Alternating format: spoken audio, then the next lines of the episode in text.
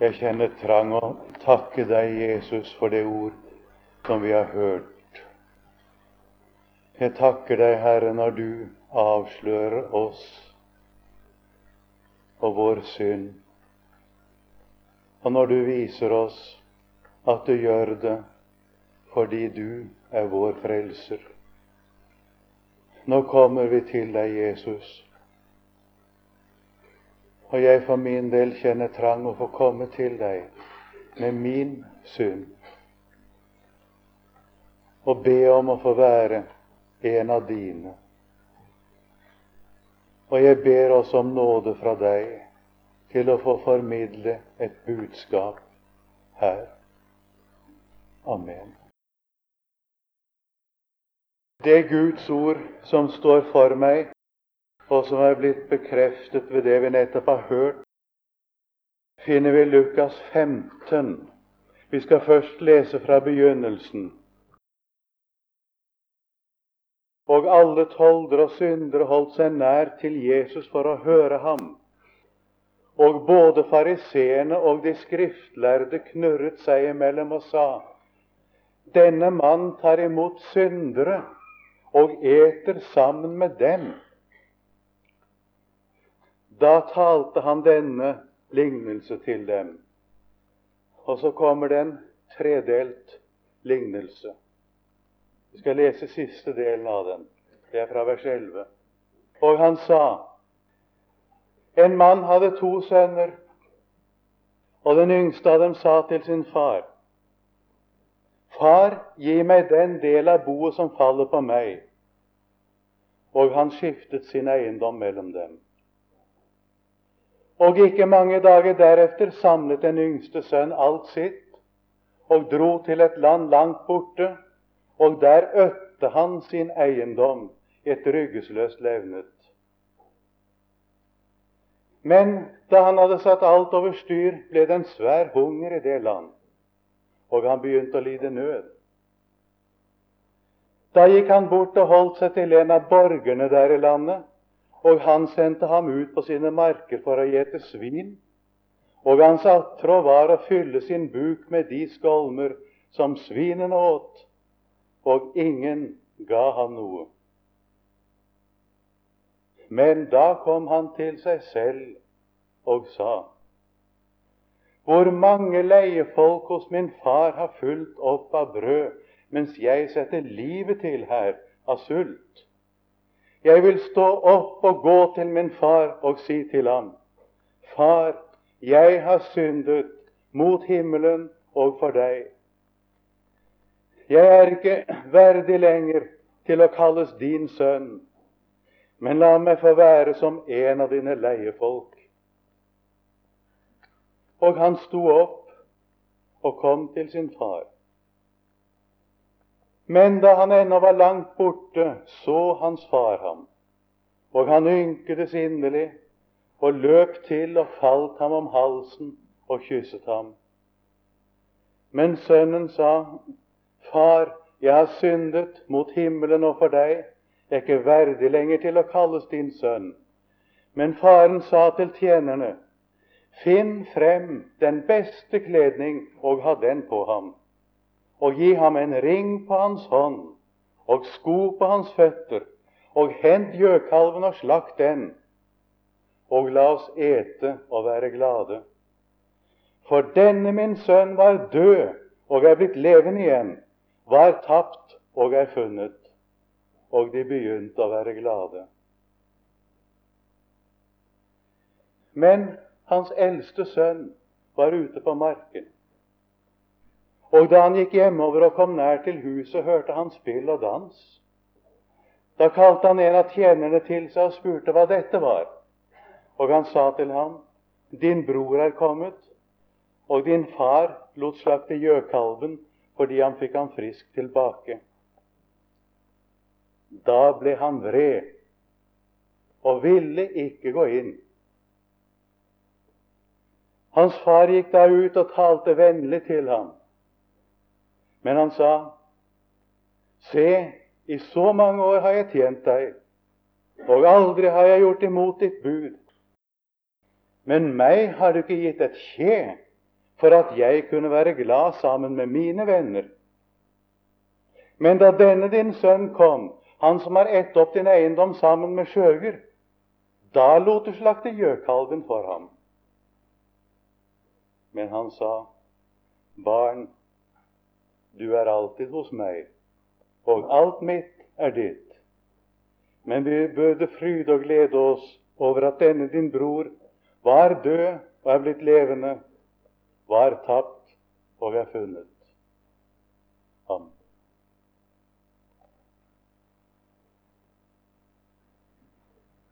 Det som vi først bør legge merke til ved dette ordet, er hvem det er adressert til. Jeg har en gang hatt en underlig opplevelse i forbindelse med dette ordet. Jeg var bedt om å være med en blåkorsforening i Oslo og spille. Det var en tidlig søndag morgen klokken fem. Blåkorsforeningene hadde etter tur bespisning i Oslo for disse som kalles uteliggere. Det ble servert smørbrød og kaffe for dem, og så ble det talt et Guds ord til dem. Der nede i Blåkorssalen i Storgaten, der var det fullt av uteliggere. De fikk smørbrød og kaffe, og så skulle en tale, og så leste han denne lignelsen om den tapte sønn, som vi pleier å kalle den. Men da ble det slikt leven i den salen at han måtte gi opp. Det har jeg aldri glemt. Og En del år senere fortalte jeg Anna Jensen dette. Dere vet hun som arbeidet blant de forkomne i Vaterland. Og Da sa hun meget kontant ja, det ordet er aldeles umulig å bruke for det publikum, sa hun. Og det har slått meg hvem taler Jesus til?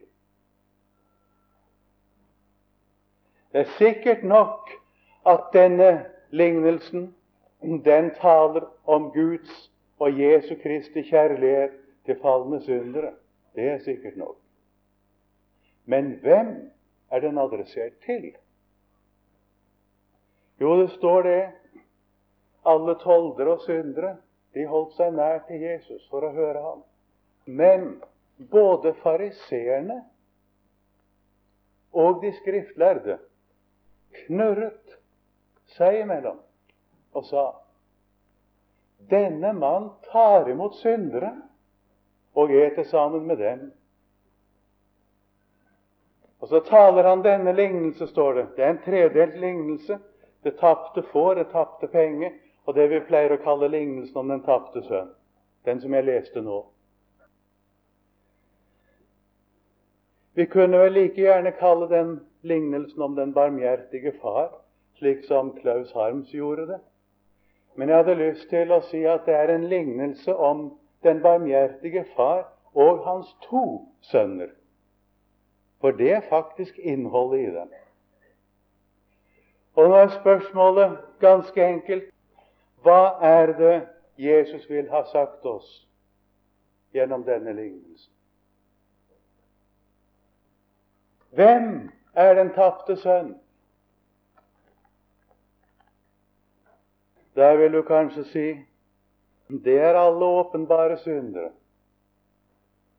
Det er alle som er gått bort fra Gud. Det er alle som har vendt ryggen til Guds ord osv. Alle som mer og mindre lever et åpenbart syndeliv. Ja, ja, jeg vil ikke nekte for at de hører med til det vi kaller den tapte sønn. Men jeg har lyst til å si deg en ting, du. Den tapte sønn, det er alle mennesker som ikke er frelst. Alle mennesker som ikke er frelst, er den tapte sønn. La oss stille spørsmålet videre før vi går inn på det mer. Hvem er den som blir kalt for den hjemmeværende sønn? Det blir sagt at han er bildet på en kristen. La oss se litt på hva som står om han. Han kommer nær til huset. Der er det fest. Det var en som var kommet hjem. Det var en som hadde kommet til seg selv, som det står. Det var en som hadde gått den veien som nettopp ble forkynt for oss her for en liten stund siden. Det var en som ikke hadde svik i sin ånd, og som vendte om. Og så ble det glede, akkurat som det er glede i himmelen for hver synder som omvender seg. Men så var det en som da han fikk høre om dette, ikke kunne dele denne gleden. Han hører det er fest i huset. Og når han får høre hvorfor det er denne festen, så blir han vred, står det, og vil ikke gå inn.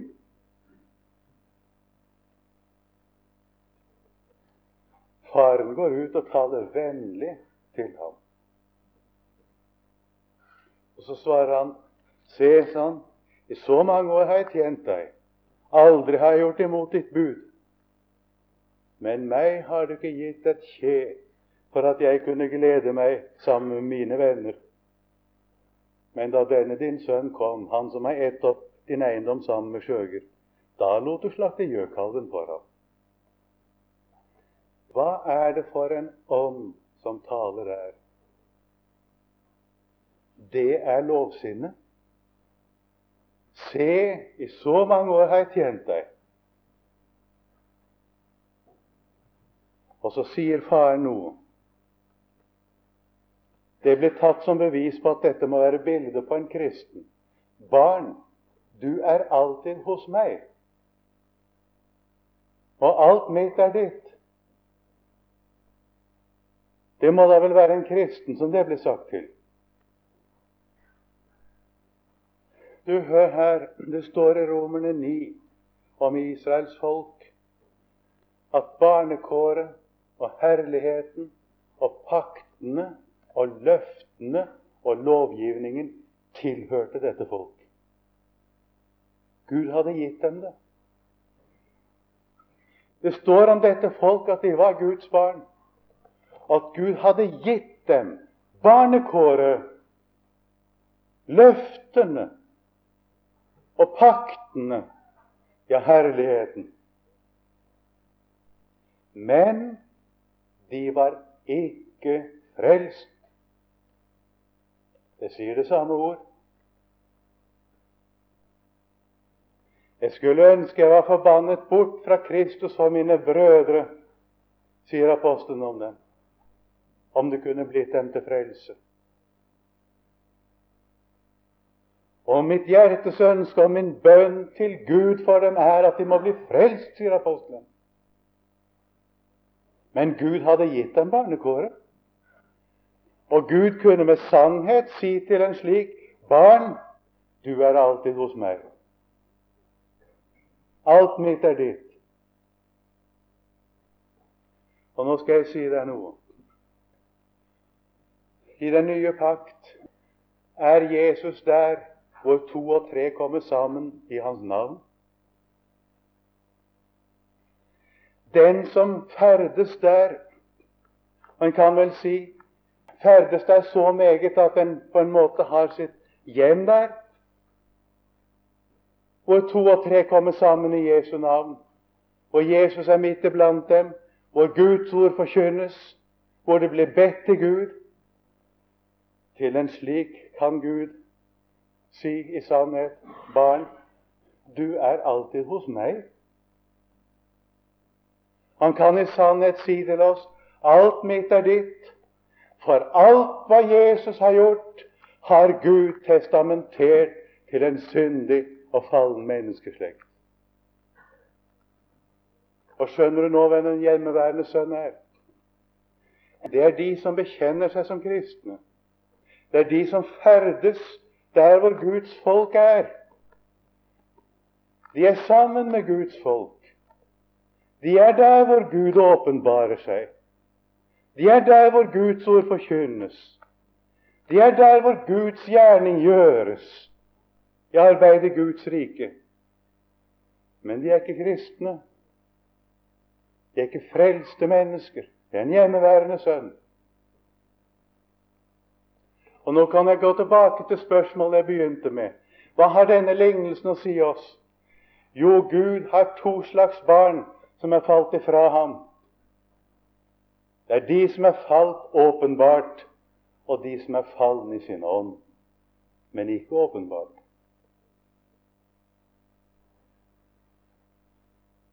Og nå har jeg lyst til å spørre deg hva tror du er verst? Det at den er falt i synd, og det vet den selv. Kanskje andre vet det òg. Den som er falt i synd, har det vondt. Da begynte han å lide nød, står det. Det ble en hunger der i landet. Det blir alltid borte fra Gud. Det som virkelig er glede, det som gir, virkelig gir menneskelivet innhold, det er det hunger på borte fra Gud. En begynner å lide nød. En begynner å prøve å erstatte det med andre ting. Ja, bare prøv, skal du se hvor mye glede du får av det. Det blir ikke bedre enn det som er bildelignelsen. Hans atter var å fylle sin buk med de skolner som svinene åt, og ingen ga ham noe. Men da kom han til seg selv. Da sa han noe til seg selv. 'Jeg vil stå opp og gå til min far'. Og skal vi si det uten bilde? Det betyr en innser, en innrømmer sin synd.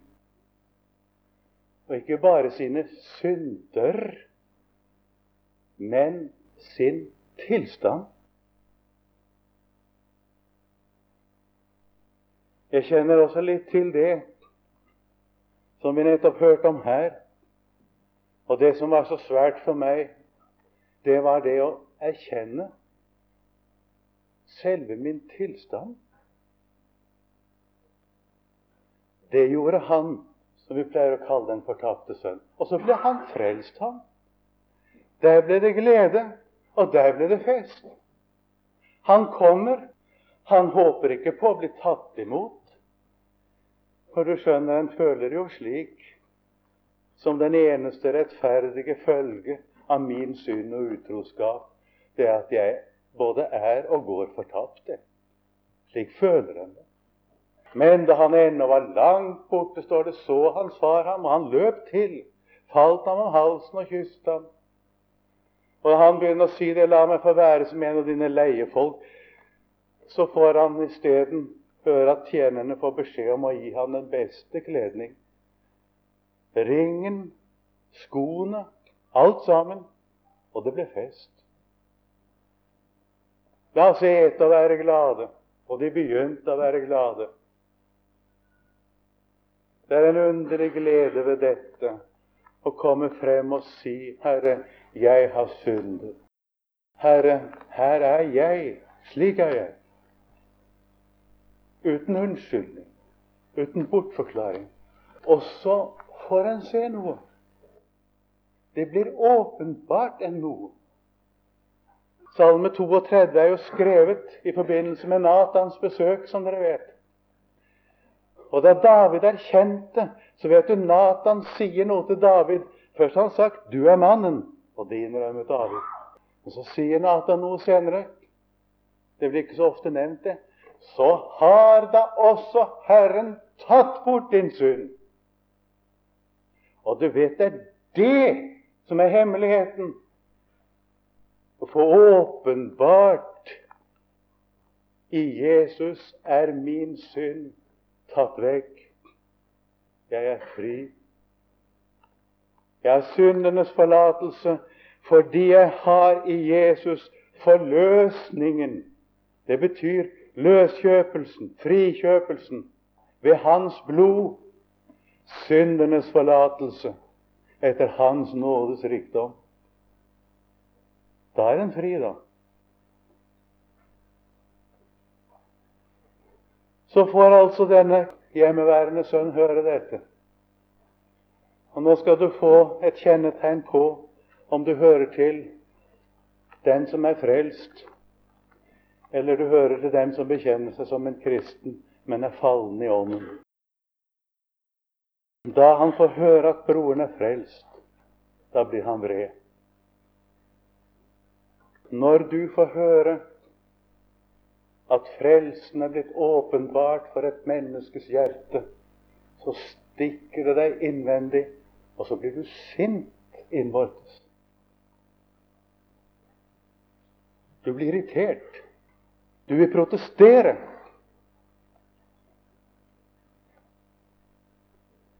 Din ektefelle har sett noe mer evangeliet enn du ser. Det kan du ikke greie. Hvorfor det? Du er ikke fri i din ånd, forstår du. Hva den er som gjør det. Din venn, din venninne, din arbeidskamerat, barna dine kanskje, eller foreldrene, de har sett noe men du ser det ikke.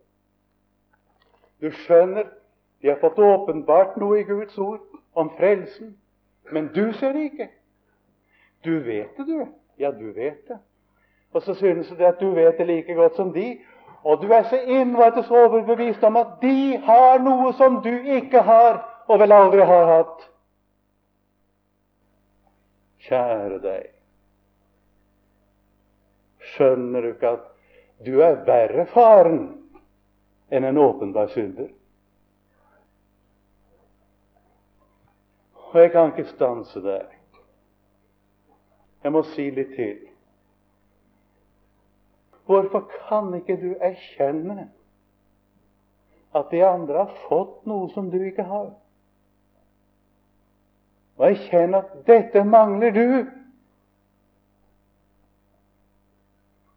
Og jeg skal si at det er ikke farlig å komme til kort. Ikke en spor farlig.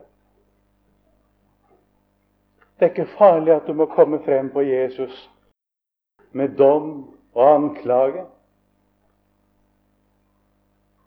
Det har ennå aldri hendt at noen som kommer til Jesus som en er, uten unnskyldning, uten å forklare noen ting bort, som kommer som en er, at den ikke er blitt tatt imot.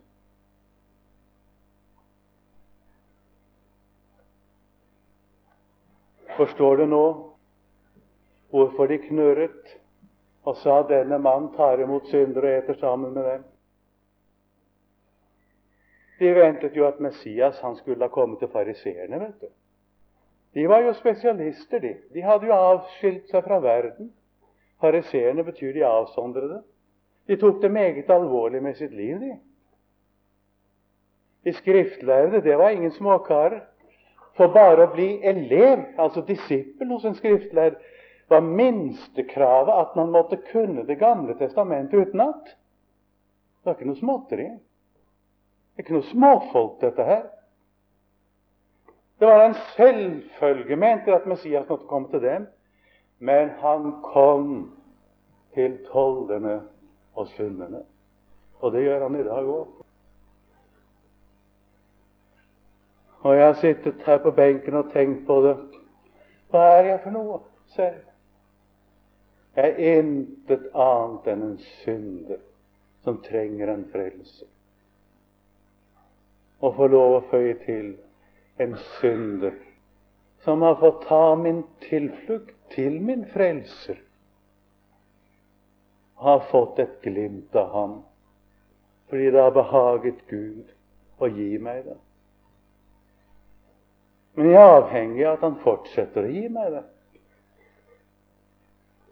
Det greier seg ikke for meg å vite noe om Jesus. Jeg må se ham. Så nå er du ikke i tvil om hva Gud vil oss i kveld. Og så vil jeg slutte hvor jeg begynte. Jesus tar imot syndere og eter sammen med dem. Amen. Kjære Jesus, la det vi har hørt i kveld, få bli det som du vil med disse ord i våre hjerter fordi vi trenger deg, Jesus. Velsign hver og en i denne forsamling. Vi takker deg for denne dagen, og skal vi få møtes igjen i morgen, så ber vi om å få møtes i ditt navn. Amen.